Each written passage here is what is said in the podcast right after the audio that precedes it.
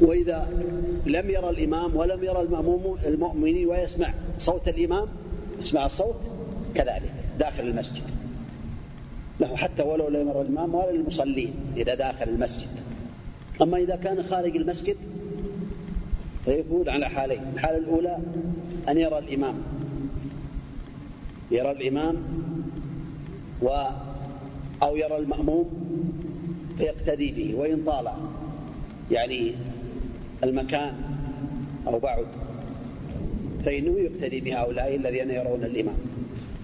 فإن حال بينه وبين الصفوف واد أو نهر أو طريق مسلوك فمن أهل العلم من قال أنه لا تصح صلاته. ومنهم من قال الصواب أنها تصح. ما دام أنه يرى ويستطيع الاقتداء بالإمام لأنه يرى المأمومين يسجدوا ويركعوا ويرفعوا قد ينقطع الصوت. فإنه في هذه الحالة. يعني تصح صلاته وهذا الذي رجح شيخنا رحمة الله عليه وأن الصلاة تصح في جميع الأحوال ما دام أنه يرى الإمام أو من خلف الإمام خارج المسجد. أما داخل المسجد فإنه يصلي ويتابع الصوت حتى ولو يرى لم يرى الإمام ولم يرى من خلف الإمام ما دام أنه يسمع الصوت. أما خارج المسجد فالصواب أنه لا تصح صلاته إذا سمع الصوت ولم يرى المأموم خلف الإمام. لو كان الإنسان يصلي مثلا في بيت أو جماعة في مكان بيت أو بعيد خارج المسجد ولم يروا أحدا من المأمومين الصواب أنه لا تصح صلاتهم والمسألة خلافية لكن هذا هو المعتمد أنه ما دام أنه ما يرى الذي خلف الإمام فإنه لا يصلي مع الإمام.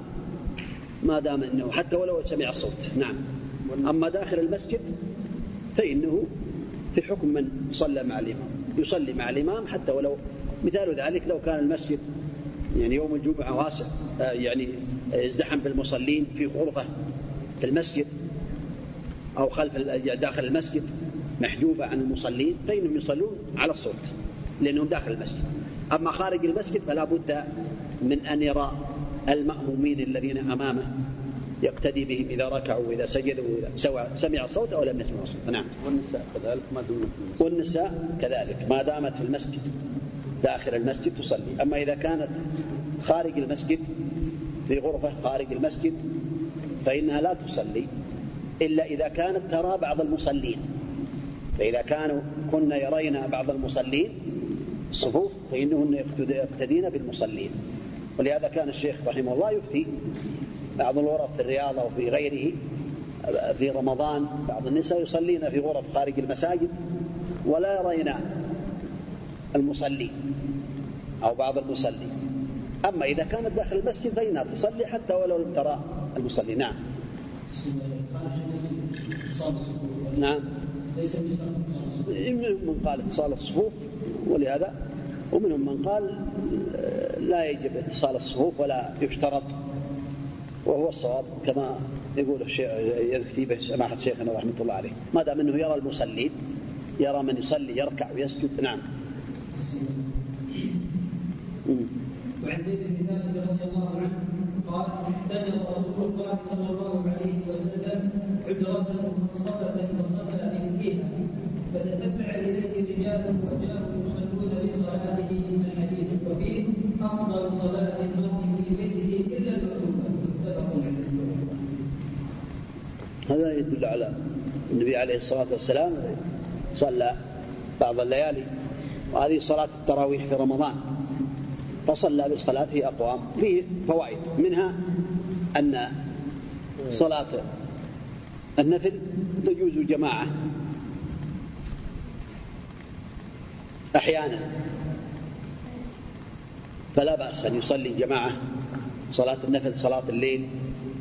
أما التراويح هم يصلون جماعة لا شك في ذلك. لكن لو لم تكن صلاة التراويح فإنهم يصلون صلاة جماعة أحيانا. إذا لم يكن ذلك منتظما وعادة وإنما بعض الأحيان بعض الليالي يصلون جماعة لا بأس. ومن هذه الفوائد أن النبي عليه الصلاة والسلام هو الذي شرع صلاة التراويح. ومنها أن الإمام لو صلى ثم أتى بنية الانفراد ثم صلى معه غيره فإن صلاته صحيحة. أنه يعني كان منفردا ثم كان ثم صار إماما. ومن هذه الفوائد أن صلاة المرء في بيته أفضل النوافل إلا الفريضة فإن الفريضة تجب في المسجد. نعم. وعن جابر بن عبد الله رضي الله عنهما قال صلى معاذ باصحابه العشاء ومنها كذلك كما تقدم أنه يقتدون بالنبي عليه الصلاة والسلام وهم داخل المسجد. ويعني يعني ما دام داخل المسجد فله أن يقتدي بالإمام ولو لم يره. نعم. وعن جابر وعن جابر بن عبد الله رضي الله عنهما قال صلى معاذ باصحابه العشاء فطول عليهم فقال النبي صلى الله عليه وسلم أتريد أن تكون يا معاذ فتانا إذا اممت الناس فاقرأ في الشمس وضحاها فسبح اسم ربك الأعلى. واقرأ باسم ربك والليل إذا يغشى متفق عليه واللفظ لمسلم. وهذا فيه فوائد. منها جواز صلاة المتنفل بالمفترض بنص النبي عليه الصلاة والسلام بإقرار النبي عليه الصلاة والسلام. ومن قال بأن صلاة المتنفل لا تصح يعني إذا كان الإمام متنفلا لا تصح صلاة المأموم الفرض خلفه؟ هذا محجوج بهذا الحديث وإقرار النبي عليه الصلاة والسلام. فالصواب في ذلك أن صلاة المتنفل خلف المفترض والمفترض خلف المتنفل والصلاة التي تخالف الوقت خلف الصلاة الأخرى كمن يصلي العصر يصلي الظهر خلف من يصلي العصر أو المغرب خلف من يصلي العشاء. الصواب أن هذا لا يدخل في قول النبي عليه الصلاة والسلام فلا تختلفوا عليه. والمعنى والله أعلم لا تختلفوا عليه بالأقوال والأفعال. ولا يختلفون عليه لا يركعون قبله ولا يتأخرون عنه ولا يكبرون قبله ولا يكبرون بعده. متأخرين. والأقرب والله أعلم أنه لا تختلف عليه في الأقوال والأفعال. أما النية فمغتفرة ولا تدخل فله أن يصلي خلف المتنفل وهو فرضة ولا المنفل أن يصلي خلف المفترض ولمن كان يصلي الظهر لو أن يصلي خلف من صلى العصر بالنية وهكذا. وفيه من الفوائد أن النبي عليه الصلاة والسلام أمر بالتخفيف على الناس. والتخفيف هو فعل النبي عليه الصلاة والسلام وسنة القولية والتقريرية. ومعاذ رضي الله عنه كان يصلي مع النبي عليه الصلاة والسلام العشاء ثم يرجع إلى قومه ويصلي بهم ويطيل.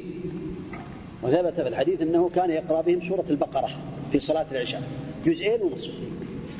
ولهذا قال يعني آه، فتان أنت يا معاذ؟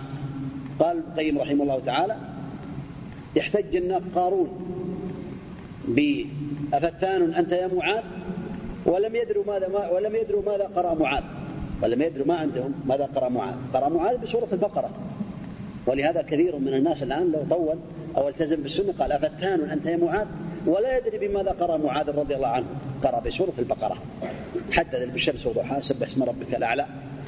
ولهذا يعني ينبغي الإنسان المسلم أن يلتزم بهدي النبي عليه الصلاة والسلام نعم وعن عائشة رضي الله عنها في قصة صلاة رسول الله صلى الله عليه وسلم بالناس والظهير قال فجاء حتى جلس عن يسار أبي بكر فكان يصلي بالناس جالسا وأبو بكر قائما يقتدي أبو بكر بصلاة النبي صلى الله عليه وسلم ويقتدي الناس بصلاة أبي بكر متفق عليه. هذا يدل كذلك على جواز صلاة المأموم الإمام بالناس وهو جالس عند العلة إذا كان مريضا وهو إماما راتبا. فإذا اعتل الإمام الراتب علة غير مزمنة يرجى برؤها فلو أن يصلي جالسا والناس يصلون خلفه قياما. والأفضل أن يصلوا قعودا كما جاء في الحديث المتقدم. وإذا صلى قاعدا فصلوا قعودا أجمعين في رواية أجمعون. اختلف العلم هل كان هذا الأمر حينما صلى بهم النبي عليه الصلاة والسلام في آخر حياته صلى قاعدا وأبو بكر قائما. والناس قيام.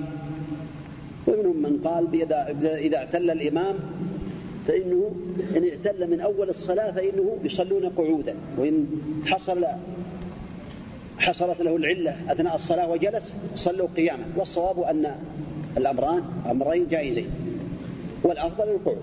فإن صلوا قياما صلاتهم صحيحة. وإن صلوا قعودا فصلاتهم أفضل خلف الإمام كما فعل النبي عليه الصلاة والسلام. وفيه جواز التبليغ. يعني إذا كان صوت الإمام ضعيف وانقطع الميكروفون مثلا سماعات فلأحد المصلين أن يبلغ عن الإمام. إذا قال الإمام الله أكبر يقول الله أكبر يرفع صوته حتى يسمع الناس. هذا عند الحاجة. أما بدون حاجة لا يفعل هذا. نعم. وعن أبي هريرة رضي الله عنه أن النبي صلى الله عليه وسلم قال إذا آمن أحدكم الناس فليقبل فإن فيهم الصغير والكبير والضعيف وذا الحاجة فإذا صلى وحده فليصلي في شاء. متفق عليه. هذا فيه الأمر من النبي عليه الصلاة والسلام بالتخفيف على الناس. إذا أما الناس إذا أما أحدكم الناس فليخفف فإن فيهم الصغير والكبير والضعيف وذا الحاجة أو كما قال النبي عليه الصلاة والسلام. هذا أمر منه. ولكن الناس قد يختلفون في التخفيف.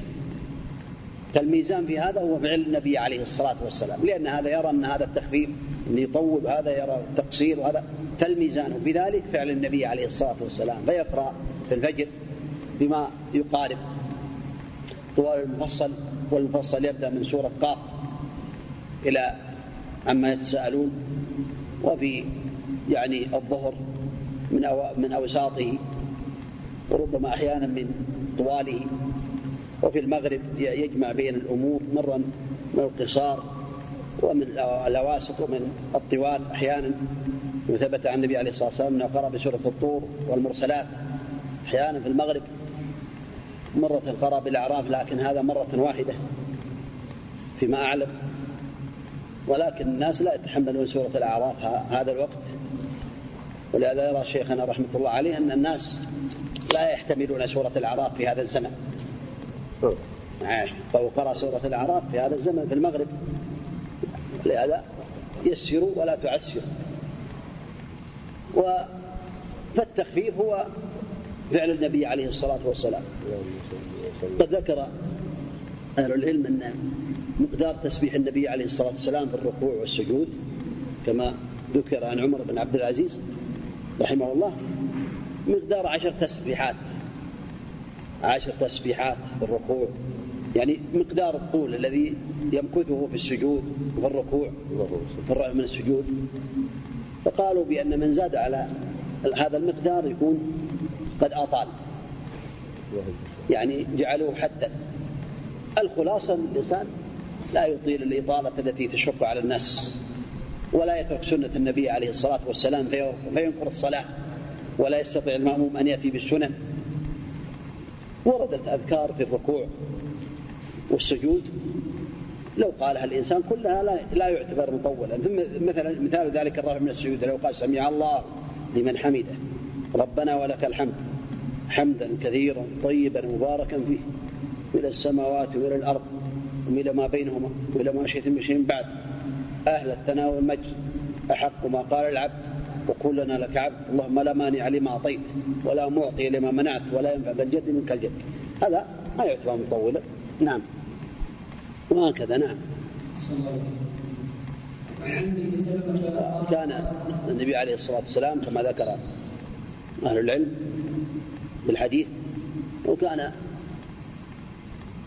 ركوعه وسجوده ورفعه بعد الركوع وجلسته يعني قبل السلام أو أو ورفوع رفع بعد الركوع قريبا من السواء. في رواية البخاري ما عدا الوقوف والقعود. يعني في الركوع والرفع من الركوع والسجود كلها قريبة من السواء. نعم. وعن عمرو بن سلمة قال قال ابي جئتكم من عند النبي صلى الله عليه وسلم حقا فقال اذا حضرت الصلاه فليؤذن احدكم وليؤمكم اكثركم مقاما قال تنظروا فلم يكن احد أكثر أكثر مني مقاما قتلوني وأنا ابن ست أو سبع سنين رواه البخاري وابو داود والنسائي. هذا عمرو رضي الله عنه يدل على أنه صلى بالناس عمره ست سنوات أو سبع والأقرب سبع يعني من باب الاحتياط عمره يعني فإذا كان الطفل قد بلغ سبع سنوات وهو أكثر الناس قرآنا وهو جيد يتقن الطهارة والصلاة فإنه يصلي بالناس يتقدم بالناس. لا بأس. لأنه أكثرهم قرآنا يعم القوم أقرأهم لكتاب الله ويصاف كذلك. المصافة لو حضر ثلاثة رجلان وطفل عمره ست سبع سنوات أو ست سنوات فإنه يكون يعتد به في المصافة خلف الإمام. نعم.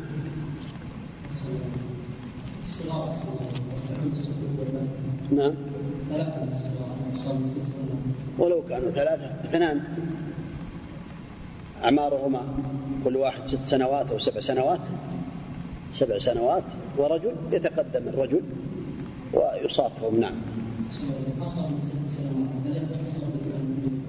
إذا صار من ست سنوات لم يؤمر بالصلاة. النبي عليه الصلاة والسلام قال مروا أبناءكم بالصلاة لسبع واضربوهم عليها لعشر قبل السبع الظاهر أنه لا يميز ولا يتقن الطهارة. نعم. لو حضر به وليه وقامه في الصف الأول أو في الروضة. يحاول أنه يعني يقدمه ويجلس. ما دام أنه لم يبلغ السبع سنوات فإن حصل الموافقة وإلا درء المفاسد مقدم عجل بالمصالح. قد يقول بعض الناس أنا جيت أصلي وولدي معي. ومع هذا قد يقعون في مصيبة. كان نصلي في بعض المساجد يعني حصل هذا مرتين فيما أعلم. شاهدته أن بعض الناس يأتي بولده فيبول في المسجد. ومنهم بعد الصلاة مع ذلك يعني جاء بفعل أقبح من الفعل فعل الأول. مجرد ما رأى بول ولده هرب أخذ ولده وهرب خرج من المسجد ترك البول وهرب يعني فهو خالف. لكن هل الطفل الأب يأثم؟ يأثم إذا كان متعمدا. إذا كان يدري بأن الطفل سيلوث المسجد أما إذا لم يدري فالنبي عليه الصلاة والسلام قد صلى والحسن والحسين على ظهره عليه الصلاة والسلام وحمل زينب يعني أمامة بنت زينب بنت بنته الصلاة فالأمر مبني على التيسير لكن مع العناية. إذا كان محفظا أو يعني يدري بأنه لا يبل في المسجد هذا لا بأس به عند الحاجة أما إذا كان يعني لم يتخذ الاحتياطات فقد يأثر نعم. نعم. إقامة لا يقام في الصف لا يقام هذا المقصود. المقصود إقامة لا يقيم في الصف وهو قبل ست سبع سنين. نعم. لكن عاد الإمام لو خشي الفتنة درى المفاسد مقدم على المصلى لأن بعض الناس يقول أنا ولدي يصلي ما شاء الله. يعلم يقول يا أخي ما له صلاة. الآن صغير من العلم أن يقول أنه يقطع الصف لأنه ما يعتبر يعني مصلي. نعم. بل بعضهم يفسد الصلاة. كان بعض الناس يصلي خلفي وبجنبه طفل وبعد الصلاة وإذا هو يعني يسأل يقول ماذا؟ كان هنا طفل بجنبي يقال ورصعت بقدمي وهرب أبوه وهرب بالطفل ماذا أعمل؟ قلت الأمر لله روح اغسل رجلك عد صلاة نعم عن ابي مسعود رضي الله عنه قال قال رسول الله صلى الله عليه وسلم يؤمن القوم اقرأهم بكتاب الله تعالى فان كانوا في القراءة سواء فاعلمهم بالسنة فان كانوا في السنة سواء فاقدمهم هجرة فان كانوا في الهجرة سواء فاقدمهم سنة وفي رواية سنة ولا يؤمن الرجل الرجل في سلطانه ولا يقعد في بيته على تأمته على على تكريمته نعم. على تكريمته إلا بإذنه رواه مسلم. هذا يدل على يعني الأولى بالإمامة. الأولى بالإمامة أقرأهم لكتاب الله تعالى. الذي يفقه صلاته. أما الذي لا يفقه الصلاة قد يكون الإنسان حافظا. في عهد النبي عليه الصلاة والسلام كان الأقرأ هو الأفقه. أما الآن قد يختلف. قد بعض الناس لا يتقن الصلاة كالأعاجب لا يعرف وكان الصلاة ولا شروطها ولا نواقض الوضوء ولا يحفظ القرآن يعني لا بد أن يكون. لكن الغالب والأصل أن الأقرأ هو الأفقه. ثم إذا كانوا في القراءة سواء فاعلموا بالسنة. فإن كانوا بالسنة سواء والقراءة سواء فأقدمهم هجرة أو توبة مثلا. فإن كانوا في ذلك سواء فأقدمهم سلما. وفي رواية سنا. والأقدم سنا أكبر سنا هو أقدم سلما الحقيقة لأنه ما دام أنه عاش كبر سنة في الإسلام فإنه يكون أقدم إسلاما. نعم. هذا هو ترتيب الأفضلية في الإمامة. لكن لا يتقدم أن رجل رجل في سلطانه. في بيته وفي ولايته وفي يعني آه، ملكه ولا يقعد على تكرمته إلا بإذنه. نعم. ولابن ماجه من حديث جابر رضي الله عنه نعم. ولابن ماجه من حديث جابر رضي الله عنه ولا تظنن امرأة رجلا ولا أعرابي مهاجرا ولا تاجر السند الحديث ضعيف. أما المرأة فلا يصح في ذلك حديث. وأما الأعرابي فقد يكون أقرأ ويكون أفقه. فلا بأس أن يصلي إذا كان أعلم. وأما الفاسق فلا يؤم الفاسق. الناس لكن الصواب أن الصلاة تصح خلفه. كما صلى عبد الله بن عمر خلف الحجاج قد عرف بالظلم. صلى عبد الله بن مسعود خلف الوليد ومتهم بالشرب صلى ذكر عن عشرة من أصحاب النبي عليه الصلاة والسلام أنهم صلوا خلف الأئمة الفجار. فلا صلاة الفاسق تصح على الصحيح لكنه لا يجعل إماما للناس لا يجعل إماما للناس ولا يعين للناس إماما لأن القاعدة كما ذكر شيخ الإسلام ابن تيمية رحمة الله عليه وغيره من العلم أن من صحت صلاته لنفسه صحت صلاته لغيره. لكن لا يجعل إماما للناس. نعم. ومن صلى خلف المرأة؟ طيب. من صلى خلف المرأة يعيد صلاته لا صلاة له. وإذا خطبتهم بعد الجمعة؟ خطبتهم يغضوا أبصارهم ولا صلاتهم باطلة. نعم. صلوا خلفها نعم. وعن أنس رضي الله عنه أن النبي صلى الله عليه وسلم وقاربوا الكلام يعني إذا كان لهم قدرة لا تخطبهم لا تخطب بهم. إذا كان لهم قدرة. أما إذا كانوا مغلوبين على أمرهم فلا يصلوا خلفها نعم. الله يجلسوا. يخلونها تخطب يجلسوا حتى تخرج. نعم. أو يخرجون من المسجد ويصلوا في المسجد آخر. نعم. وعن أنس رضي الله عنه النبي صلى الله عليه وسلم قال قصوا صفوفكم وقاربوا بينها وحاذوا بالاعناق رواه أبو داود والنسائي وصححه يدل على مشروعية رص الصفوف والمحاذاة بين الأعناق والأكعب لأن هذا أمر به النبي عليه الصلاة والسلام وأمر بإتمام الصفوف الأول في الأول وسد الخلل. نعم. نعم. الظاهر الوجوب ما دام النبي عليه الصلاة والسلام أمر فالأمر يقتضي الوجوب ما لم يصرفه صالح. ومن قال بالسنية فعليه الدليل. إذا كان قد ثبت النبي عليه الصلاة والسلام ترك الصفوف ولم يسويها بل كان يقول عليه الصلاة والسلام يعني استووا كان يقول لتسوون صفوفكم أو ليخالفن الله بين قلوبكم. وغير ذلك من الوعيد. من قال من وصل صفا وصله الله ومن قطع صفا قطعه الله. هذا ويعيد. الظاهر والله أعلم أن تسوية الصفوف من يعني واجبة. نعم. لكن هل يلزم الإمام تسوية كل الصفوف ولا الصف الأول؟ الظاهر يلزمه أن ينبه عليهم بالكلام. استووا. استووا. رصوا صفوفكم. سدوا الخلل. حاذوا بين المناكب والأعناق. بالكلام بالأمر. نعم. وإذا لازم وإذا لازم يسوي الصف الأول يعني يعدلهم إذا رأى بعض الناس لا يلتزم بذلك. نعم. عن ابي هريره رضي الله عنه قال قال رسول الله صلى الله عليه وسلم خير صفوف الرجال اولها وشرها اخرها وخير صفوف النساء اخرها وشرها اولها رواه مسلم. نعم. هذا واضح. خير الصفوف الرجال أولها لأنه الصف الأول مفضل وبعيدا عن النساء. وشر صفوف النساء الأول يعني أولها لأنها تقرب من الرجال. كل ما ابتعدت المرأة عن الرجال يكون خير لها إلا إذا كانت المرأة في معزل عن الرجال مكان مستقل. نعم. عن ابن عباس رضي الله عنهما قال صليت في مثل هذا الحكم أقصد يعني بالنسبة للنساء إذا كن كنا يصلينا في صفوف وتصلي بهم إمامة في وسط الصف فالأقرب والله أعلم أنه الصف الأول فالأول يكون أفضل بالنسبة للنساء. أما مع الرجال فالحديث واضح. نعم.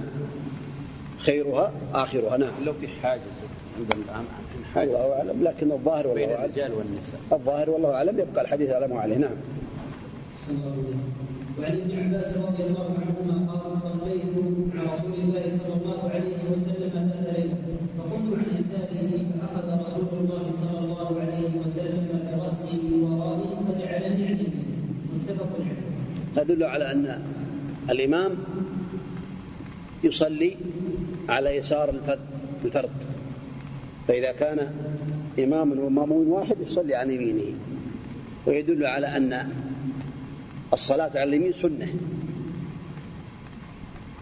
ولو صلى عن يساره صحت لأن النبي عليه الصلاة والسلام ما أمر ابن عباس أن يعيد أول صلاته. فإذا كانوا اثنان إمام المأموم صلى الإمام عن يساره والمأموم عن اليمين. فإذا كانوا ثلاثة تقدم الإمام وصلوا يعني المأمومان خلفه. نعم.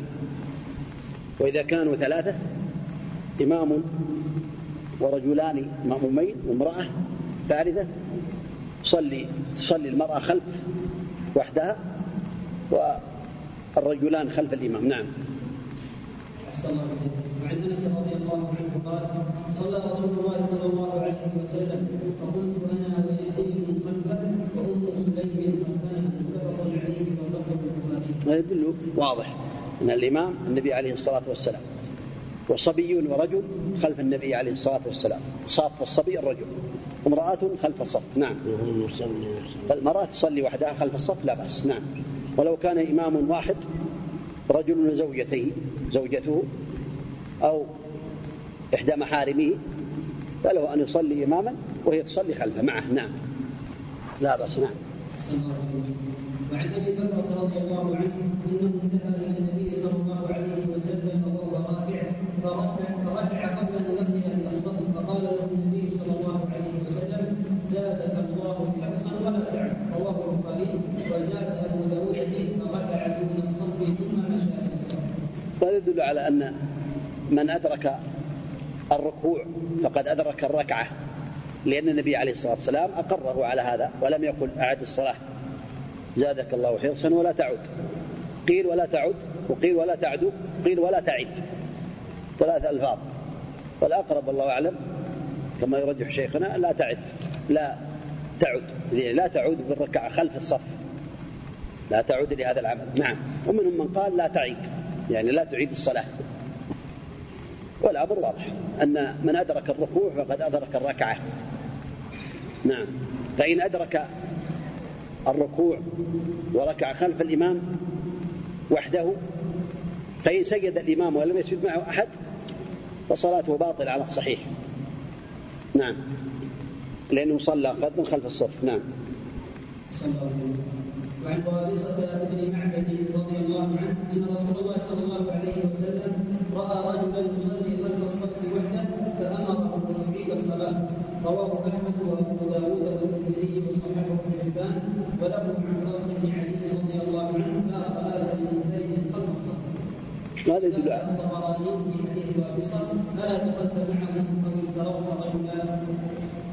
هذا يدل على أن صلاة خلف الصف خلف الفرد خلف الصف لا تصح. اختلف العلماء في هذه المسألة. منهم من قال إذا كان لا يجد مكانا واكتمل الصف ولا يستطيع أن يأتي عن يمين الإمام فإنه في هذه الحالة يصلي وحده خلف الصف وصلاته صحيحة. للعذر لأنه يسقط عنه الوجوب لأن الواجب قالوا القاعدة أن من عجز عن الواجب فصلاته صحيحة يعني معذور لأنه عجز. ومنهم من قال لا؟ ما دام النبي عليه الصلاة والسلام قال لا صلاة منفرد خلف الصف فرد خلف الصف فنهى عن الصلاة خلف الصف. أما كونه يجتر واحدا هذا ضعيف. لا يجتر لأنه إذا اجتر شخصا من الصف الذي أمامه فإنه يحصل عدة إشكالات. الأول أنه حرمه الصف الذي قد تقدم إليه والثاني أنه شوش عليه والثالث أن هذا يسبب الحركات الرابع أنه يعمل فرجة في الصف فلا يجتر أحدا لضعف الحديث ولا يصلي خلف الصف وحده وإنما ينتظر. كان يفتي بهذا سماحة شيخنا رحمة الله عليه حتى مات. ابن باز رحمة الله عليه. كان يقول ينتظر. فإن لم يجد أحد يصلي معه. انتظر حتى يسلم الإمام ثم صلى. لأن النبي عليه الصلاة والسلام يقول لا صلاة الفجر خلف الصف. وغيرهم أهل العلم كشيخ الإسلام ابن تيمية رحمة الله عليه. غيرهم يقولون إذا عجز يصلي خلف الصف وحده. لكن لفظ الحديث أولى بأن يتبع. نعم. نعم. عن ابي هريره رضي الله عنه قال قال رسول الله صلى الله عليه وسلم عليه. اذا سمعتم الإقامة فامشوا إلى الصلاة وعليكم السكينه والوقار ولا تسمعوا فما اتاكم فصلوا وما فاتكم وما فاتكم فاتموا متفق عليه ولفظ البخاري. هذا فيه فوائد. منها أن العبد المسلم إذا سمع الإقامة أن عليه التزام الأدب ولا يسرع بل عليه السكينة والوقار. فما أدرك من الصلاة. صلى وما فاته أتم. ويدل على أن أول صلاة المسبوق هو أول ما أدركه بقوله عليه الصلاة والسلام وما أدركتم فصلوا. وما فاتكم فأتموا. ويدل كذلك على أن الرجل إذا تأخر عن صلاة الجماعة يتابع الإمام ثم يتم بعد سلام الإمام. رواية فقد منهم من قال بأنها تكون ما يدرك هو آخر صلاته والصواب ما تقدم وأن معنى فقد وأتم واحد. فما أدرك مع الإمام فهو أول صلاته فلو صلى أدرك مع الإمام في صلاة المغرب الصلاة الثالثة الركعة الثالثة فإنه يتم فيقرأ. إذا قام في الركعة الثانية جهرا ثم يجلس ويتشهد ثم يقوم ويأتي بالثالثة نعم. نعم. قال قال رسول الله صلى الله عليه وسلم صلاة الرجل مع الرجل أزكى من صلاته وحده. وصلاته مع الرجلين أزكى من صلاته مع الرجل وما كان أكثر فهو أحب إلى الله عز وجل. هذا يدل على أن الجماعة كلما كثرت فصلاة الناس أفضل. صلاة الرجل مع الرجل أزكى من صلاته وحده وصلاته مع الرجلين أزكى من صلاته مع الرجل. وما كان أكثر فهو أحب إلى الله تعالى. يدل على كثرة المصلين إذا كان المسجد يصلي فيه جماعة كثيرة فهو أفضل. الصلاة معهم أفضل من الصلاة مع المسجد الأقل جماعة. لكن بشرط لا يحصل المفاسد بأن تقل الجماعة في المسجد الآخر أو يحصل نفرة بينه وبين المصلين. فإذا لم يحصل مفسدة اختار المسجد الأكثر جماعة. نعم. وإذا كان يحصل مفسدة درء المفاسد مقدما على جلب المصالح. ويكتب الله له إن شاء الله ما نوى. نعم. وعن ام فرقه رضي الله عنها ان النبي صلى الله عليه وسلم امرها أن تؤم ابا رواه أبو داود وصححه ابن هذا الحديث يدل على أن المرأة لها أن تؤم النساء. لها أن تصلي بالنساء جماعة لكن تصلي وسط الصف. كصلاة العراة الإمام العراة يصلي وسط الصف والمرأة الإمامة تصلي وسط الصف. الأول. نعم. وتجهر فيهم إذا وتجهر.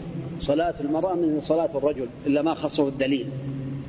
إذا كان لم يسمعها أحد من الرجال تجهر بالصلاة والتكبير. بعض الناس يقول تضم ما تتورك ولا يعني لا. الصواب أن صلاة المرأة والرجل على حد سواء إلا ما خصه الدليل. ما قال النبي عليه الصلاة والسلام إلا هذا شيء. هذا خاص بالمرأة فالأصل أن ما أمر به النساء الصلاة الرجال فهو أمر للنساء. ما لم يخصه الدليل. نعم. نعم.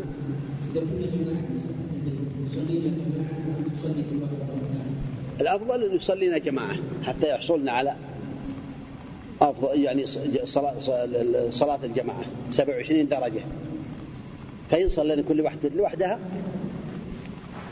فلا حرج لأن صلاة الجماعة لا تجب عليهن. لكن لو صلينا جماعة كان أفضل.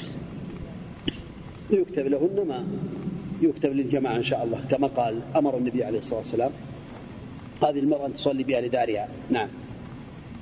عن انس رضي الله عنه ان النبي صلى الله عليه وسلم استخلف له بمنظوم يكون الناس وهو اعلم رواه احمد وابو داود ونحن ابن حبان عن عائشه رضي الله عنها هذا يدل على أمور منها فضل ابن أم مكتوم ابن أم مكتوم رضي الله عنه.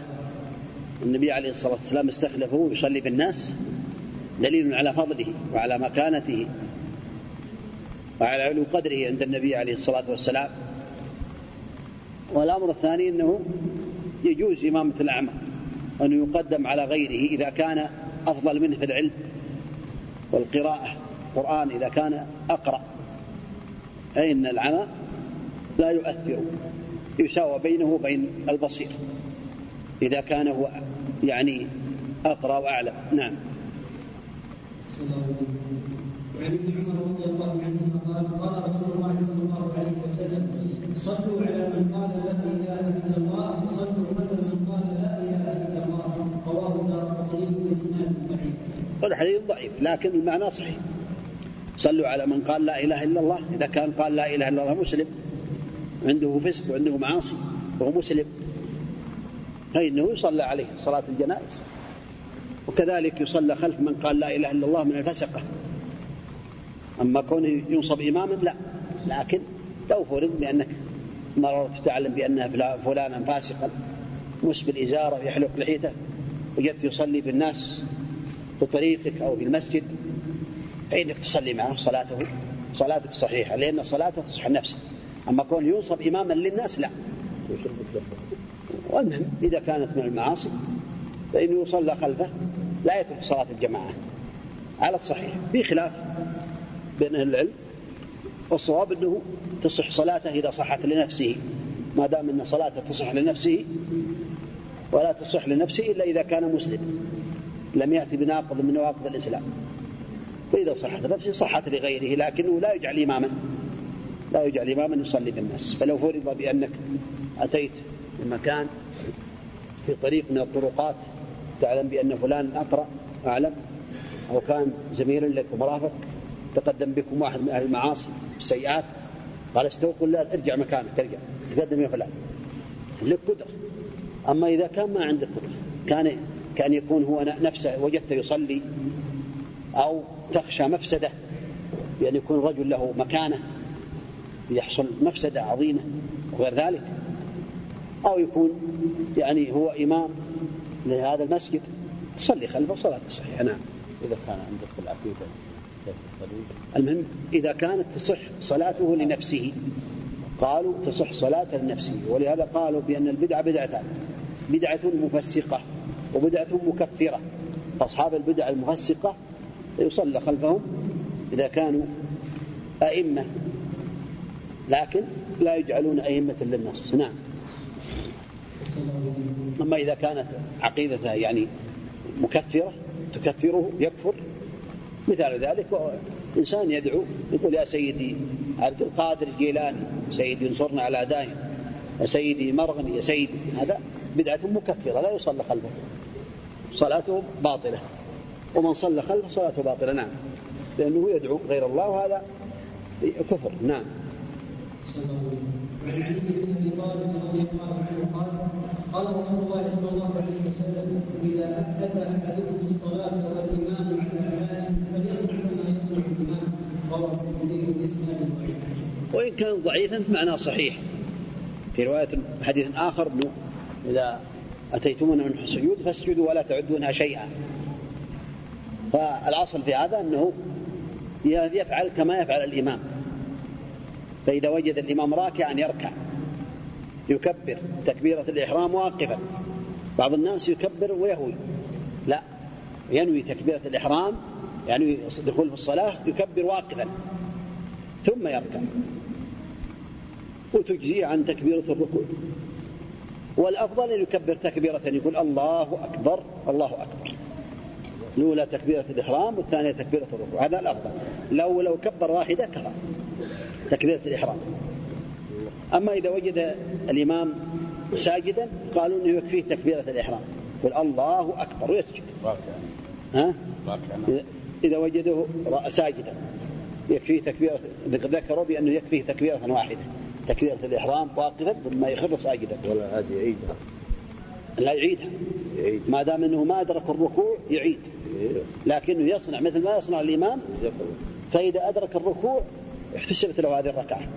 وإن لم يدركه سبقه الإمام ورفع أنه يكبر مع الإمام ويقضي هذه الركعة كذلك. نعم لا يحتسب بها نعم. كله نواب التكبيرة. هذه تكبيرة ال- ال- الركوع للركوع وليست تكبيرة الحرم لا تنعقد صلاته لأنه ما دام أنه نوى نهى الركوع لا ما يجوز. ما تجزيه لابد أن ينوي تكبيرة الإحرام. نعم. بركة نسأل الله عز وجل لنا ولكم النافع والعمل الصالح. توفيق لما يحب ويرضاه صلى الله وسلم وبارك على نبينا محمد وعلى آله وأصحابه أجمعين. قال الإمام ابن حجر في كتابه قلوب المرام باب صلاة المسافر والمريض عن عائشة رضي الله عنها قالت أول ما فرضت الصلاة ركعتين فأقيمت صلاة السفر وأتمت صلاه الحرم متفق عليه ثم هاجر ففرضت اربعه فأقيمت صلاه السفر على الأول زاد احمد الا المغرب فانها وتر النهار والا الصبح فانها تطول فيها القراءه بسم الله الرحمن الرحيم. الحمد لله رب العالمين. وصلى الله وسلم وبارك على نبينا محمد وعلى آله وأصحابه أجمعين. أما بعد هذا الباب في صلاة السفر. من رحمة الله تعالى على عباده أن خفف عليهم ويسر عليهم ولم يشق عليهم سبحانه وتعالى في العبادات.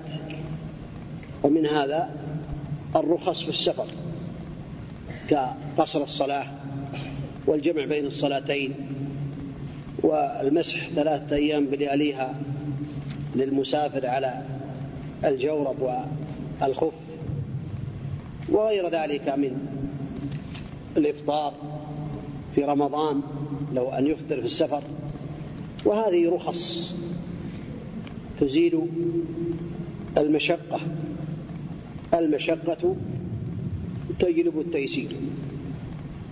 ومن هذا أن النبي عليه الصلاة والسلام قال كما في هذا الحديث في هذا الحديث أن الله تعالى شرع أو فرض الصلاة ركعتين ركعتين. فثبتت في السفر وزيد في صلاة الحضر كما في هذا الحديث. زيد في صلاة الظهر ركعتين والعصر ركعتين والعشاء ركعتين. أما المغرب فهي وتر النهار. أما الفجر إنها تطول فيها القراءة. ولهذا قال بعض أهل العلم بأن فرض المسافر ركعتين. وأنه يجب عليه أن يصلي ركعتين في السفر. ولكن الصواب الذي عليه المحققون من أهل العلم أنه هو الأفضل.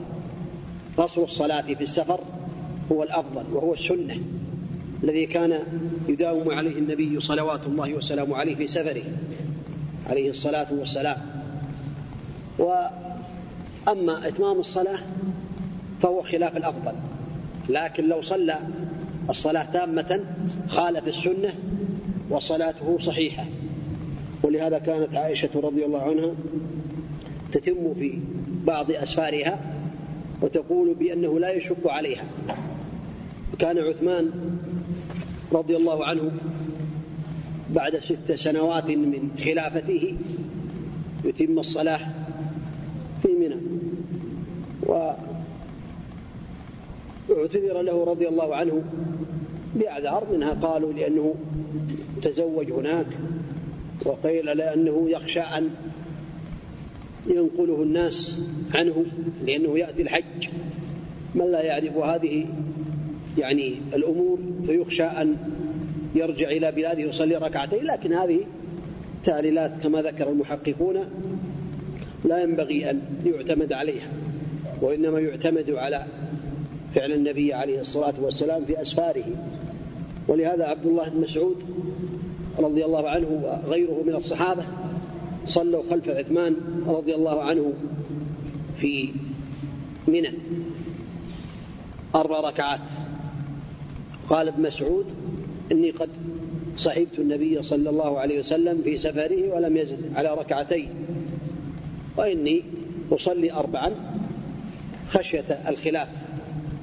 فإن الخلاف شر أو كما قال رضي الله عنه. هذا يدل على أن الإنسان ينبغي له أن آه، يعني لا يخالف ولي أمر المسلمين إذا أمر بشيء أو فعل شيء لا حرمة فيه ولا يخالف الشرع وليس فيه ارتكاب المحرمات وإنما فيه خلاف الأولى فحينئذ يوافق حتى لا يحصل الخلاف. فإن الخلاف شر كما قال عبد الله بن مسعود. رضي الله عنه. نعم.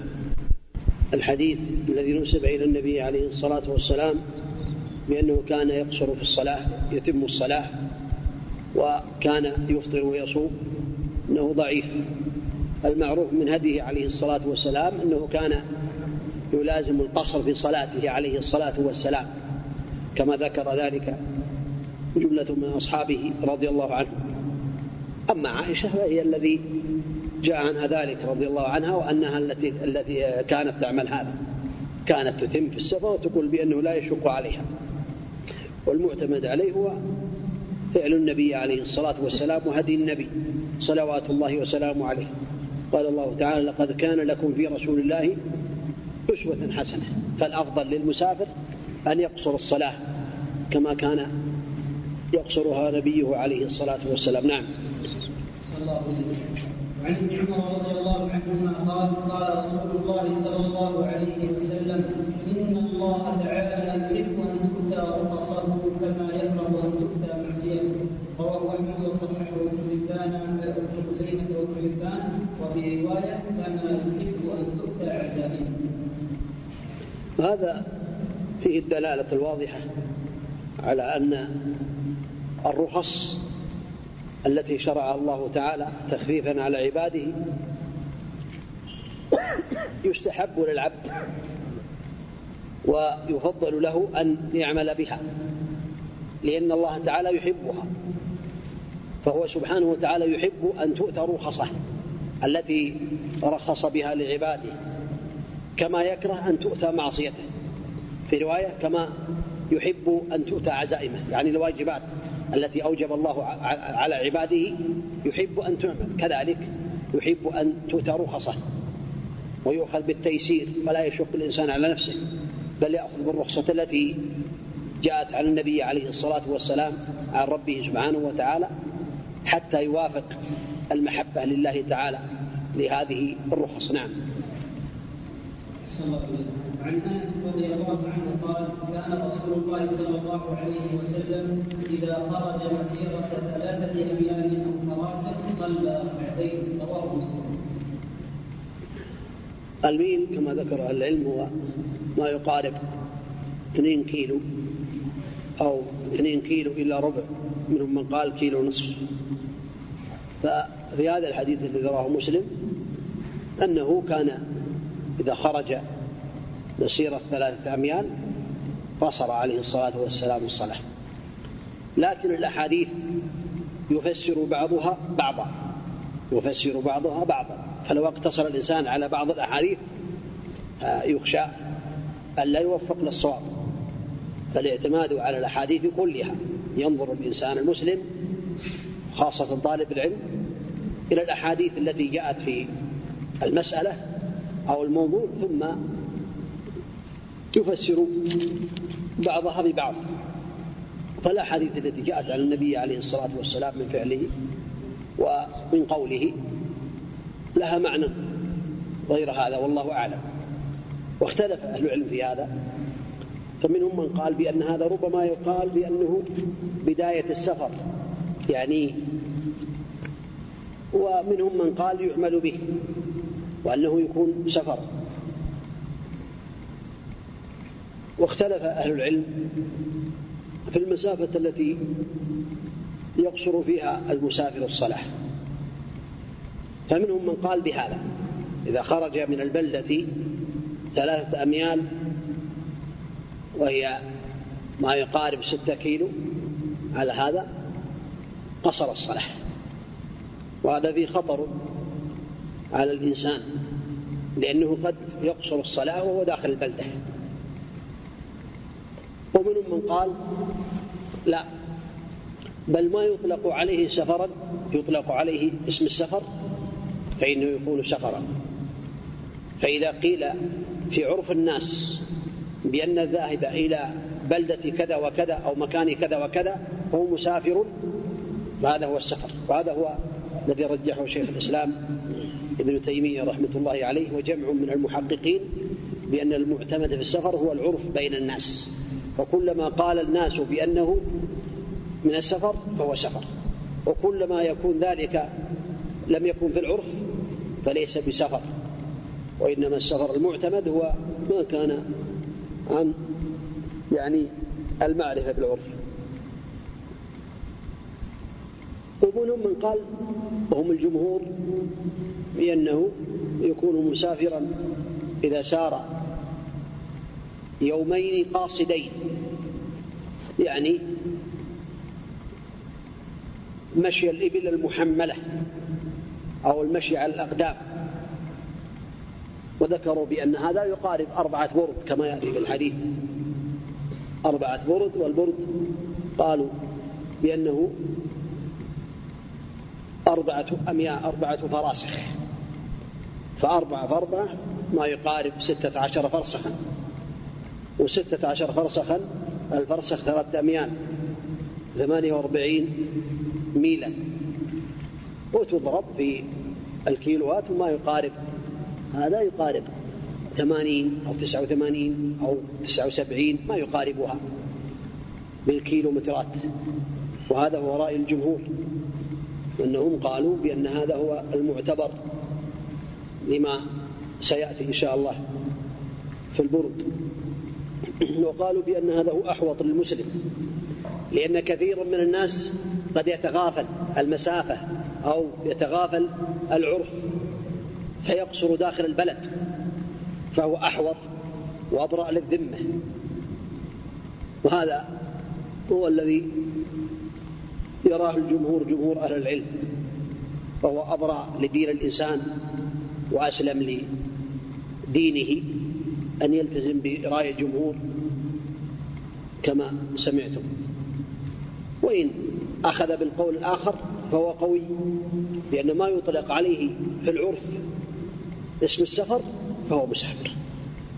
والغالب أن المسافر يصطحب معه الزاد والماء والراحلة في سفره فيقول الناس بأن هذا مسافر. أين ذهب فلان؟ قالوا سافر إلى المنطقة الشرقية سافر إلى كذا سافر. لكن لو قيل في ضواحي البلد في وقتنا هذا لا يقولون بأنه مسافر. فالخلاصة كما سمعتم نعم. يحصل خلاف كثير بين الناس في بداية السفر. في بداية السفر يعني الوقت الذي يبدأ يحصل فيه يحصل خارج الرياض أو بعد يعني هذا ذكر ذكر الفقهاء بأنه إذا خرج وفارق عامر قريته عامر البلدة التي يسكن فيها. فإذا فارق العامر ونيته أن يسافر السفر الذي يباح القصر فيه فله أن يقصر إذا فارق المدينة وفارق عامر البنيان. مثل مطار الرياض الآن لو أراد الإنسان أن يسافر إلى المنطقة الشرقية أو إلى يعني غيرها أو إلى جدة أو إلى المنطقة الجنوبية وسافر متجها إلى مطار الرياض. في هذا الوقت لا أقول بعده في هذا الوقت الآن لأن البنيان لم يتصل المطار. فله أن يقصر إذا وصل المطار لأنه مسافر. لكن لا يقصر إذا ذهب من الرياض إلى المطار لأن هذا في العرف ليس بسفر. فإذا خرج الإنسان عن عامر القرية أو البلدة لعامر البنيان فله أن يقصر الصلاة إذا كانت نيته أن يسافر مسافة تقصر فيها الصلاة. نعم. وعنه رضي الله عنه قال خرجنا مع رسول الله صلى الله عليه وسلم من المدينة إلى مكة فكان يصلي ركعتين ركعتين حتى رجعنا إلى متفق عليه واللفظ للبخاري. وهذا يدل على أنه عليه الصلاة والسلام كان يقصر الصلاة في سفره صلوات الله وسلامه عليه. نعم. ولم يحفظ عنه أنه تم الصلاة في أي سفر من أسفاره. عليه الصلاة والسلام. نعم. عن ابن عباس رضي الله عنهما قال قام النبي صلى الله عليه وسلم تسعة عشر يوما يقصر وفي لفظ بمكة تسعة عشر يوما رواه البخاري. أعداد. نعم. وفي وعن ابن عباس رضي الله عنهما قال أقام النبي صلى الله عليه وسلم تسعة عشر يوما يقصر وفي لفظ بمكة تسعة عشر يوما رواه البخاري وفي رواية لأبي داود سبع عشر وفي أخرى خمس عشر وله عن عمران بن حسين رضي الله عنه ثمانية عشر. وهذه الأحاديث احتج بها من؟ قال بأن مدة الإقامة في السفر يقصر فيها الصلاة واختلف أهل العلم في ذلك كذلك. الجمهور على أن من أجمع الإقامة في السفر أثناء النزول فإنه إذا أجمع أكثر من أربعة أيام فإنه يكون بذلك مقيما يصلي أربعا وإذا أجمع وعزم على أنه يبقى أقل يعني أربعة أيام فأقل فإنه يكون مسافرا ويقصر الصلاة واستدلوا بفعل النبي عليه الصلاة والسلام أنه حينما قدم مكة عليه الصلاة والسلام في رابع ذي الحجة في حجة الوداع أقام الرابع الرابع والخامس والسادس والسابع أربعة أيام و وهو في حجه عليه الصلاة والسلام وهو يقصر الصلاة صلوات الله وسلامه عليه ولم يتم الصلاة. هذا رأي الجمهور ولهم يعني أدلة غير ذلك. ومنهم من قال لا بل إذا بقي تسعة عشر يوما كما فعل النبي عليه الصلاة والسلام إذا أجمع الإقامة على هذا فإنه يتم الصلاة فإنه يقصر الصلاة. ومنهم من قال عشرين يوما كما في غزوة تبوك. ومنهم من قال ما دام يسافر ما دام مسافرا ونية الرجوع إلى بلاده فيقصر الصلاة وإن طال وقته. اختلفوا في ذلك. ورأي الجمهور أنه إذا أجمع الإقامة أكثر من أربعة أيام فإنه يتم الصلاة.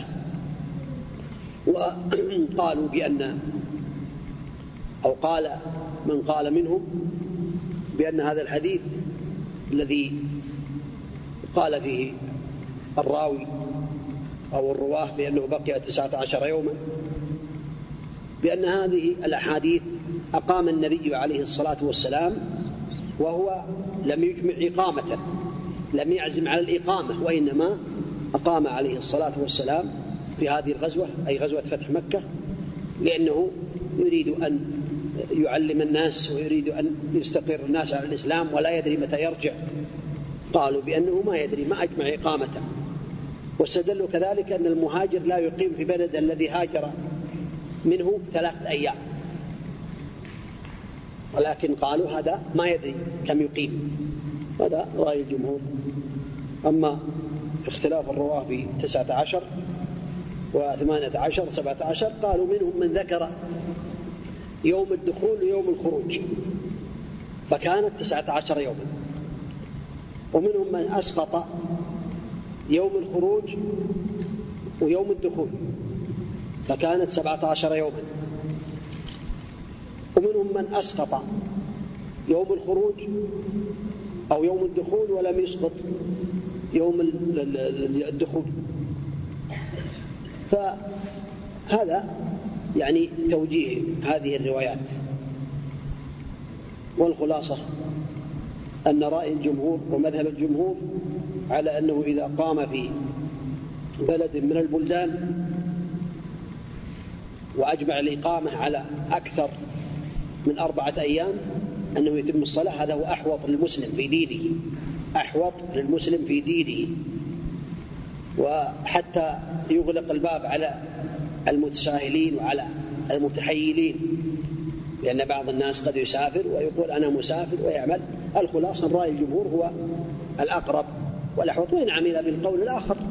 لكن لا يعمل من باب الهوى والتشهي يعمل من باب الدليل والرغبة فيما عند الله تعالى. عمل برأي من قال بأنه لا يزال مسافرا حتى يرجع إلى بلاده لكن في خطر خطر عظيم على دينه وعلى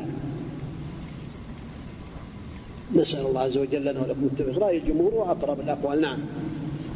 لكن لو أخذ الله رأي الآخر المسلم المسلم يأخذ بالأحواط لدينه الذي فيه البراءة لدينه كما قال النبي عليه الصلاة والسلام.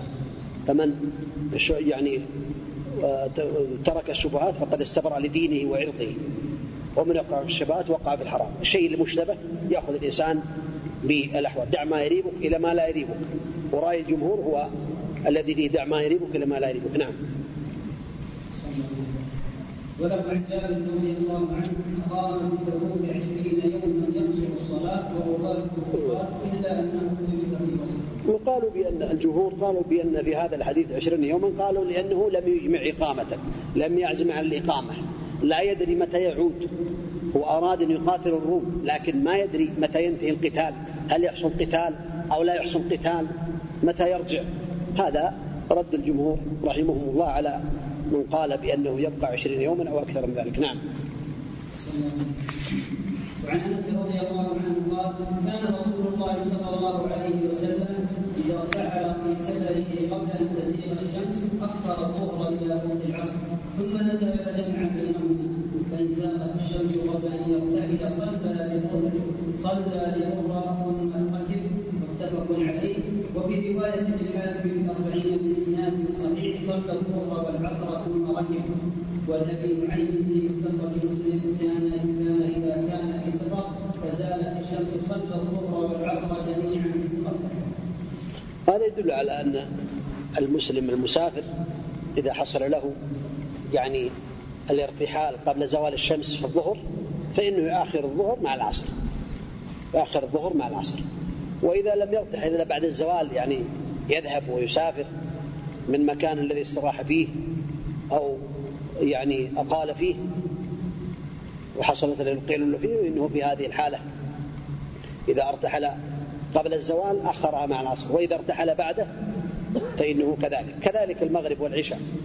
فإذا دخل عليه وقت المغرب وهو في راحة قبل أن يرتحل فإنه يصلي المغرب ثم العشاء. أما إذا ارتحل قبل المغرب فإنه يؤخر المغرب مع العشاء. هذا هو الأفضل. ووقتها كما ذكر أهل العلم المحققون منهم أن وقت صلاة المغرب آه، صلاة الظهر والعصر يكون وقتا واحدا للمسافر.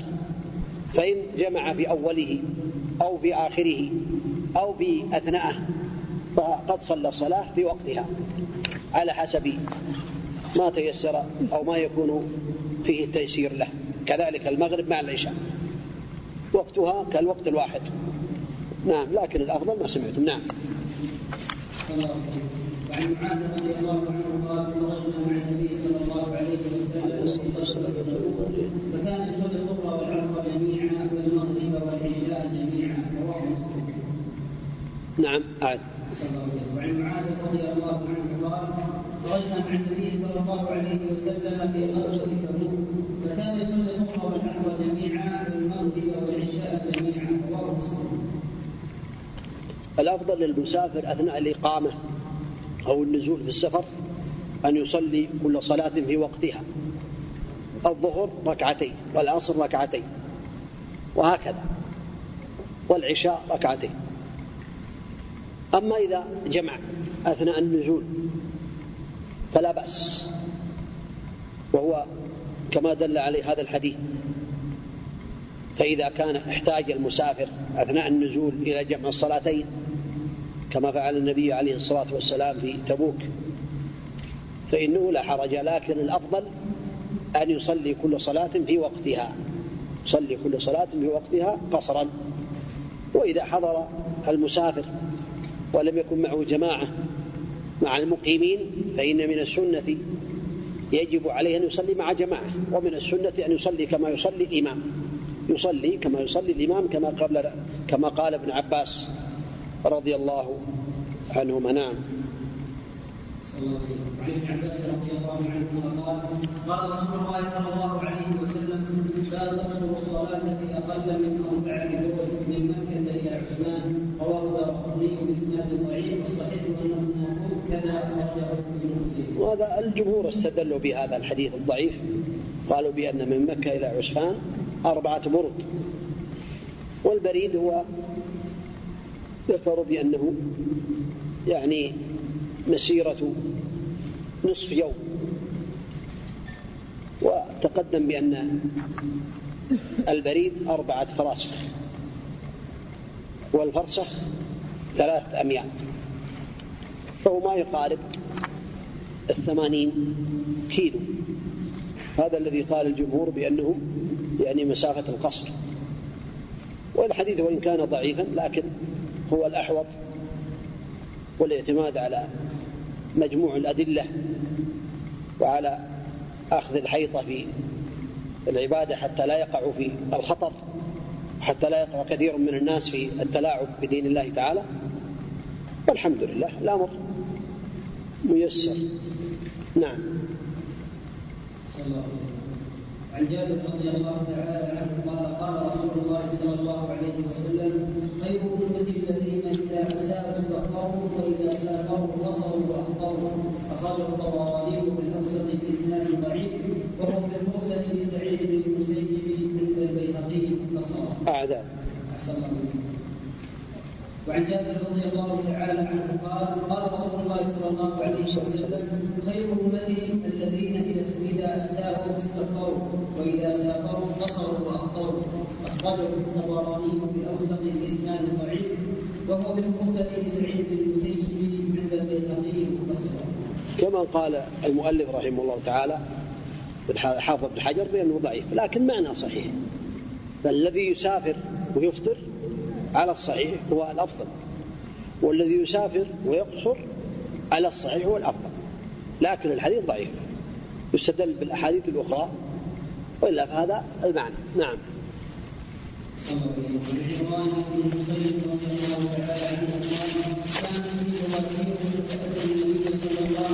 وسلم عن الصلاة فقال صل فإن لم تستطع فقاعدا فإن لم تستطع فعلى جنب رواه البخاري هذه صلاة المريض تقدمت في الحديث. ولكن أعادها المؤلف هنا ليكون من باب الصلاة أهل الأعذار المسافر والمريض. وهذه الصلوات صلاة أهل الأعذار فالمريض هو الذي يصلي الصلاة على حسب طاقته. فاتقوا الله ما استطعتم. صلي قائما. الواجب أن يصلي المصلي قائما. فإن لم يستطع فإنه يصلي جالسا. فإن لم يستطع صلى على جنب. فإن لم يستطع صلى مستلقيا. فإن لم يستطع منهم من قال يصلي إيماء بطرفه ومنهم من قال تسقط عنه الصلاة. كما قاله شيخ الإسلام ابن تيمية رحمه الله قال بأن يعني آخر المراتب هو الصلاة مستلقيا. فمن لم يستطع يصلي مستلقيا سقطت عنه الصلاة. لكن الأبرى للذمة. قول من قال بأن الصلاة لا تسقط عن العبد ما دام عقله ثابتا. فيصلي الصلاة ما دام عقله ثابتا. حتى ولو لو لم يستطع لو لم يستطع أن يصلي على جنبه ولا مستلقيا يصلي بقلبه. يستحضر الصلاة بقلبه والقراءة بقلبه. والركوع والرفع من الركوع والسجود بقلبه لا تسقط الصلاة عنه ما دام عقله ثابتا. نعم.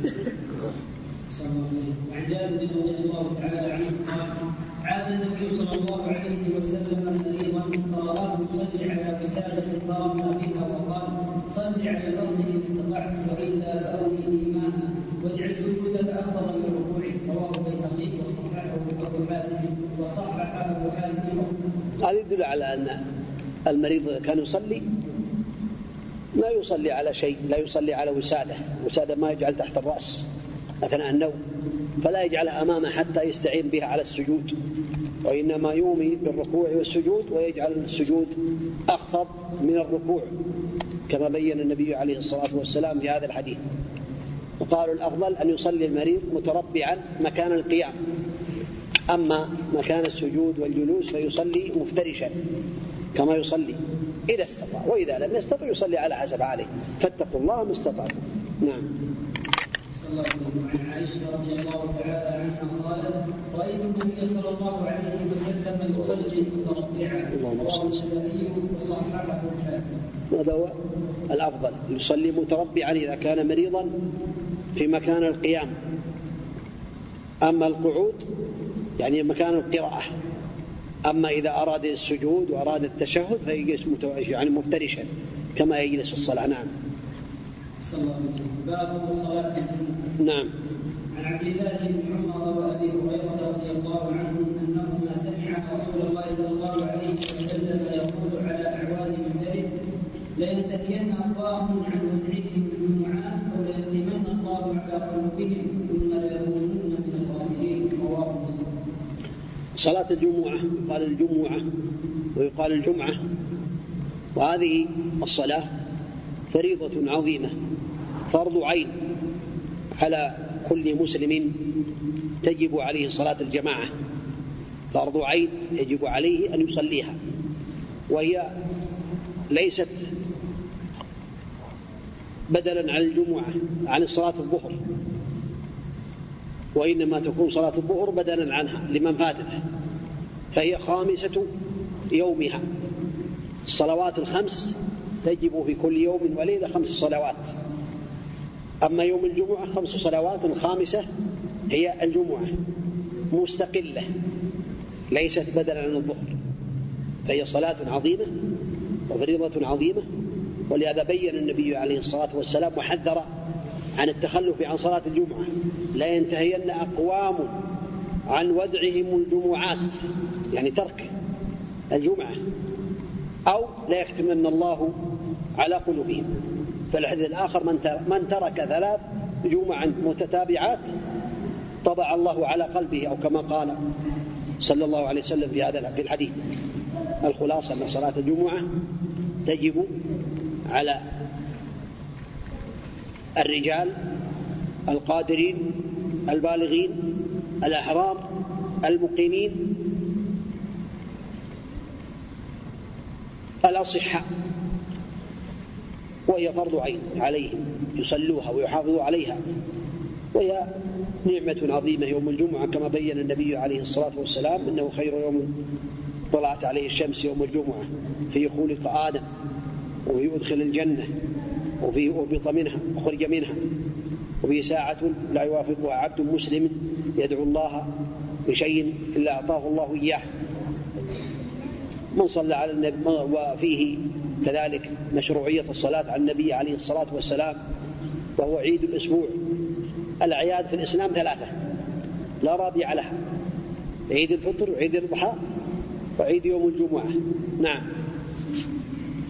أحسن الله. عن سلمة بن أكبر رضي الله تعالى عنه قال كنا نصلي مع رسول الله صلى الله عليه وسلم يوم الجمعة كما نصلي وليس للشيطان ضد يستظل به متفق عليه ولفظ البخاري وفي لفظ لمسلم كنا نجمع معه إذا زالت الشمس ثم نرجع نتتبع الليل هذا يدل على أنه كان يبكر أحيانا عليه الصلاة والسلام بصلاة الجمعة قبل الزوال. والسنة التي عليها النبي عليه الصلاة والسلام وأكثر فعله عليه الصلاة والسلام أن صلاة الجمعة بعد الزوال تبدأ بعد الزوال تنتهي بالإجماع بانتهاء وقت صلاة الظهر. أما بداية الوقت فهو من بعد الزوال كصلاة الظهر يبدأ وقت الجمعة وهذا هو الأفضل. ومن أهل العلم من قال كالإمام أحمد رحمه الله أنها تبدأ كذلك قبل الزوال. استدلوا بحديث النبي عليه الصلاة والسلام إذا في صلاة الجمعة مر أن من راح في الساعة الأولى فكأنما قرب بدنه ومن راح في الساعة الثانية فكأنما قرب بقرة ومن راح في الساعة الثالثة فكأنما قرب كرش كبشا أقرن ومن راح في الساعة الرابعة فكأنما قرب دجاجة ومن راح في الساعة الخامسة فكأنما قرب بيضة ثم تدخل الملائكة يستمعون الذكر فقالوا بأنها تكون في الساعة السادسة من يوم الجمعة. هذان الوقتان تصح صلاة الجمعة الجمعة فيهما. قبل الزوال في الساعة السادسة وبعد الزوال. لكن الأفضل أن تكون بعد الزوال لكثرة الأحاديث في ذلك. ولاستدامة فعل النبي عليه الصلاة والسلام أنه كان يصلي بعد الزوال عليه الصلاة والسلام.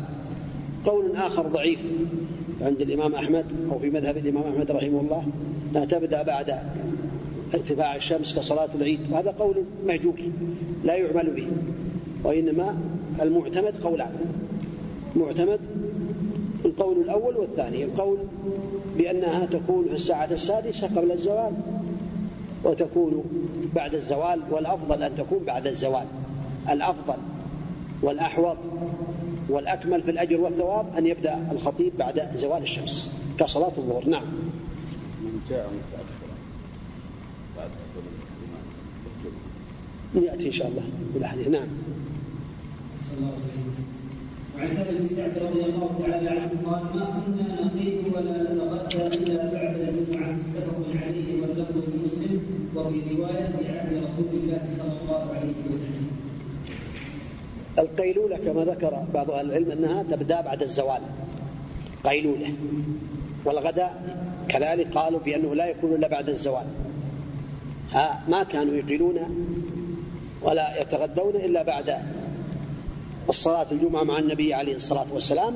دل ذلك أنه بعد الزوال. فإن كان يصلي في بعض الأحيان قبيل الزوال وكان يقصر الخطبة عليه الصلاة والسلام ويطيل الصلاة فيقوم بالساعة السادسة وما يقاربه. أما بعد الزوال فهي الأحاديث الواردة في هذا كثير. نعم. وعن جابر رضي الله تعالى عنه أن النبي صلى الله عليه وسلم كان يخطب قائما فجاءت عير من الشام فانفتل الناس إليها حتى أن يبقى الا اثنا عشر رجلا رواه مسلم. هذا فيه فوائد. منها أن الخطيب يخطب قائما. ولهذا من قال بأن النبي عليه الصلاة والسلام خطب جالسا في خطبة الجمعة فقد كذب فكان يخطب قائما عليه الصلاة والسلام. هذا مما يؤكد على الخطيب أن يخطب قائما حتى يستفيد وحتى يستفيد الناس ويحصل فيه النشاط والقوة. وفيه من الفوائد أن من حضر لصلاة الجمعة وهم أقل من أربعين صلاتهم صحيحة. لهذا خرج بعض الصحابة ولم يبقى معه إلا ما يقارب 12 رجلا. وهذا في أول الإسلام. ما بعد أن استقر أمر الإسلام وعلم الصحابة رضي الله عنهم الأحكام فلا يمكن أن يخرجون من خطوة النبي عليه الصلاة والسلام. اختلف أهل العلم هل تصح الصلاة صلاة الجمعة بأقل من أربعين. منهم من قال لا تصح إلا بأربعين. ومنهم من قال تصح باثني عشر كما في هذا الحديث. ومنهم من قال بخمسين. ومنهم من قال بأقل من ذلك. ومنهم من قال بثلاثة مع الإمام. ومنهم من قال باثنين مع الإمام. وأصح الأقوال وأقرب الأقوال. أنها تصح باثنين مع الإمام مع الخطيب. خطيب يخطب واثنان يستمعان. فإذا كان كانوا ثلاثة خطيب ومأمومين انطبقت عليهم الشروط من الاستيطان وعدم السفر شروط إقامة الجمعة فإنها تجب عليهم صلاة الجمعة. أما الأربعين فلم يأتي به حديث صحيح عن النبي عليه الصلاة والسلام. نعم.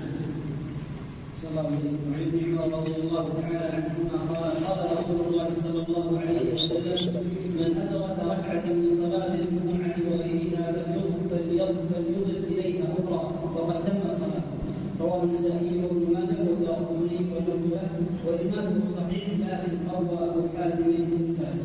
أعد أعد. أحسن الله إليك. وعن ابن عمر رضي الله عنهما قال قال رسول الله صلى الله عليه وسلم من أدرك ركعة من صلاة الجمعة وغيرها فليضف إليها أخرى وقد تمت صلاته. رواه النسائي وابن ماجه والدارقطني والنبوة وإسناده صحيح لكن قوى أبو حاتم الإنسان ذكر بعض أهل العلم كالإمام النووي رحمه الله تعالى والحافظ بن حجر والعراقي رحمهم الله أنه إذا تعارض, تعارض الوصل والإرسال قدم الوصل وأن الحكم لمن وصل لأنها زيادة ثقة. والصواب أن هذا الحديث ثابت. أن المسلم إذا فاتته الركعة الأولى من صلاة الجمعة وأدرك الثانية أو أدرك الإمام وهو راكع في صلاة الجمعة في الركعة الثانية قبل أن يرفع من الركعة الثانية وكبر وركع قبل رفع الإمام فقد أدرك الجمعة ويضيف إليها ركعة أخرى. هذا هو المعتمد عند أهل العلم. أما إذا لم يدرك الركعة الثانية بحيث دخل مع الإمام ورفع قبل أن يركع فإنه في هذه الحالة إذا نوى صلاة الظهر فإنه يتمها ظهرا إذا دخل وقت الظهر. إذا كان قد دخل وقت الظهر. أما إذا كان الإمام يأتي قبل الزوال في الساعة السادسة فإنه لا يتمها وإنما ينتظر صلاة الظهر ويصليها. نعم. نعم. عن جابر بن سمره رضي الله تعالى عنه أن النبي صلى الله عليه وسلم كان يخطب قائما ثم يجلس ثم يقوم فيخطب قائما فمن نبأك انه كان يخطب جالسا فقد كذب أخرجه مسلم. هذا هو السنة. للخطيب أن يخطب قائما. منهم من قال يجب ومنهم من قال بل سنة مؤكدة لا ينبغي أن يجلس إلا جاهل أو مخالف للسنة. فينبغي للخطيب أن يكون واقفا كما فعل النبي عليه الصلاة والسلام حتى يكون نشيطا حتى يستفيد الناس. وكذلك يجلس بين الخطبتين جلسة خفيفة ذكر بعض أهل العلم. كقراءة قل هو الله أحد سورة الإخلاص. وإن لم يرد فيها تحديد لكن بعضهم مثل بهذا حتى يرتاح في هذه يعني الجلسة ويفصل بين الخطبتين ويتبع السنة سنة النبي عليه الصلاة والسلام. نعم.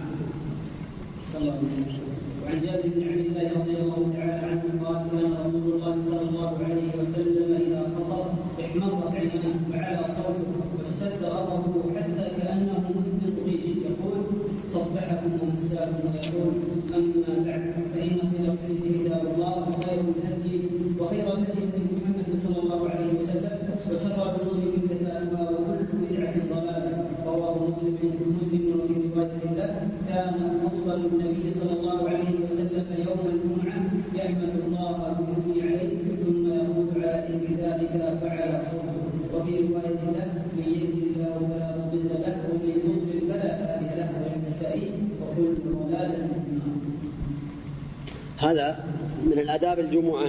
يلتزم الخطيب يعني هدي النبي عليه الصلاة والسلام في الخطبة يكون واقفا ويكون رفيع الصوت يرفع الصوت ويظهر تأثره بالخطبة. يتكلم متأثرا لا يتكلم نائما وإنما يتكلم مؤثرا. يتأثر بكلامه ويرفع صوته. والغضب على حسب المناسبة. يظهر غضبة لكن لا يظهر غضب بضرب الجدران والصياح ويعني الحركات المتواليات لا يظهر غضبة يعني بحيث يرفع صوته كأنه غضبان كأنه منذر ينذر الجيش وينذر عذاب الله تعالى. الخلاصة أن هذا هو من السنة في الخطبة حتى يستفيد الناس.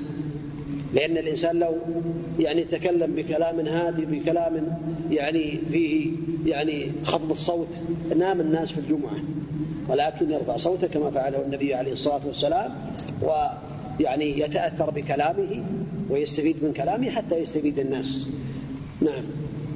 صلى الله عليه وسلم. عن بن ياسر رضي الله تعالى عنه قال سمعت رسول الله صلى الله عليه وسلم يقول إن طول صلاة الرجل وقصر قربته فقه رواه مسلم.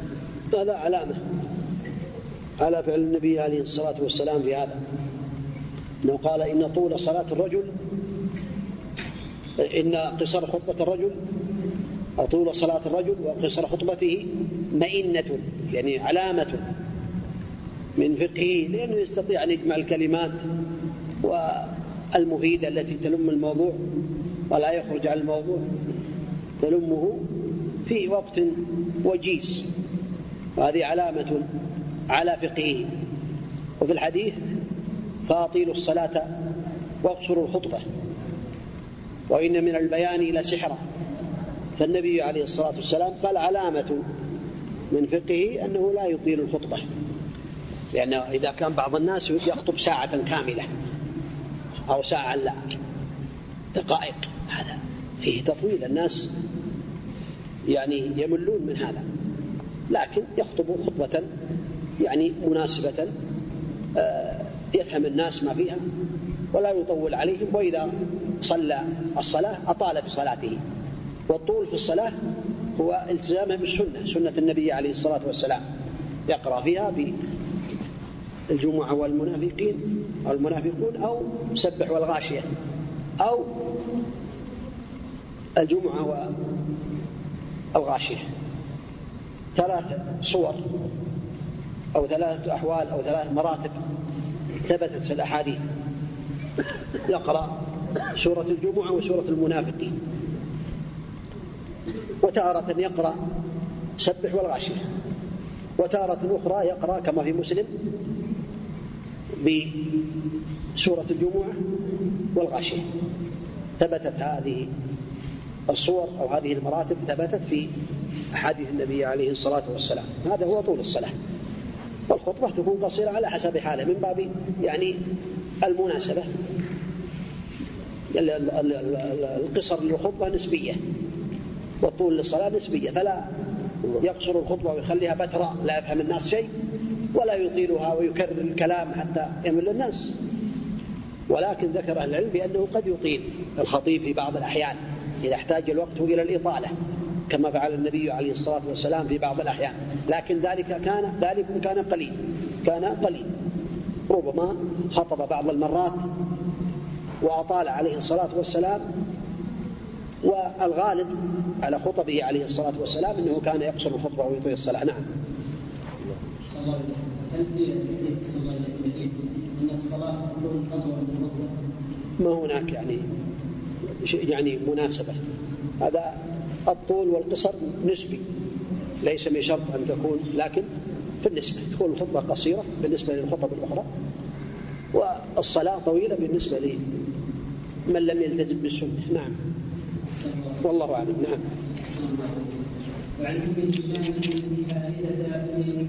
وطول الصلاة وقصر الصلاة على حسب الالتزام بفعل النبي عليه الصلاة والسلام.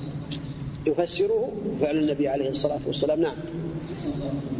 وعن أم هشام بنت حارثة بن النعمان رضي الله عنها قال ما اخذت قاف القران المجيد إلا عن على إلا عن لسان رسول الله صلى الله عليه وسلم.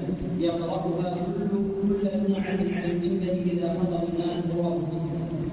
وهذا يدل على أن قراءة القرآن في الصلاة في الجمعة في الخطبة يعني سنة. وأن الخطيب يفسر بعض الآيات أو يقرأ سورة قاف في خطبة الجمعة ويفسرها تفسيرا يعني مختصرا مفيدا أو بعضها أو بعض الآيات. ينبغي للخطيب أن لا يهمل الآيات. ولهذا ذكر الإمام أحمد وغيره من أهل العلم أنه شرط من صحة الخطبة أن تشتمل على آية من كتاب الله تعالى. نعم. وعن ابن عباس رضي الله تعالى عنهما قال قال رسول الله صلى الله عليه وسلم من تكلم يوم الجمعة والإمام يخطب فهو كمثل كمثل الحمار يحمل أسفارا والذي يقول له انصت ليس له جمعة. رواه أحمد بإسناد لا بأس به وهو يفسر حديث أبي هريرة في الصحيحين هذا يدل على تحريم الكلام أثناء خطبة الإمام. فإذا خطب الإمام وجب الإنصات فإذا تكلم والإمام يخطب فهو كالحمار يحمل الأسفار. السفر هو الكتاب الكبير فهو الحمار إذا حمل الأسفار وحمل المجلدات من الكتب لا يستفيد منها فكذلك الذي يتكلم والإمام يخطب كالحمار. شبهه النبي عليه الصلاة والسلام من باب التنفير والله أعلم عن هذا الفعل عن الكلام والإمام يخطب فإنه يجب عليه الإنصات ولا يلغو. ومن ومن قال لصاحبه انصت فقد لغى. ومن لغى فلا جمعة له. لا جمعة له على الصحيح لا ثواب له الجمعة تجزي عنه لكن الثواب الذي قاله النبي عليه الصلاة والسلام أن ما اغتسل في بيته ثم ذهب وصلى ما كتب له ثم انتظر واستمع أنصت إذا خطب الإمام حتى يصلي معه فله كتب له غفر له ما بين الجمعتين وزيادة ثلاثة أيام عشرة أيام. هذا يفوت هذا الفضل العظيم الذي يتكلم في صلاة الجمعة. ولهذا ذكر العلم بأنه لا يرد سلاما ولا يشمت عاطسا ولا يأمر بالمعروف ولا ينهى عن المنكر وإنما ينصت ويصغي للإمام حتى يستفيد. نعم.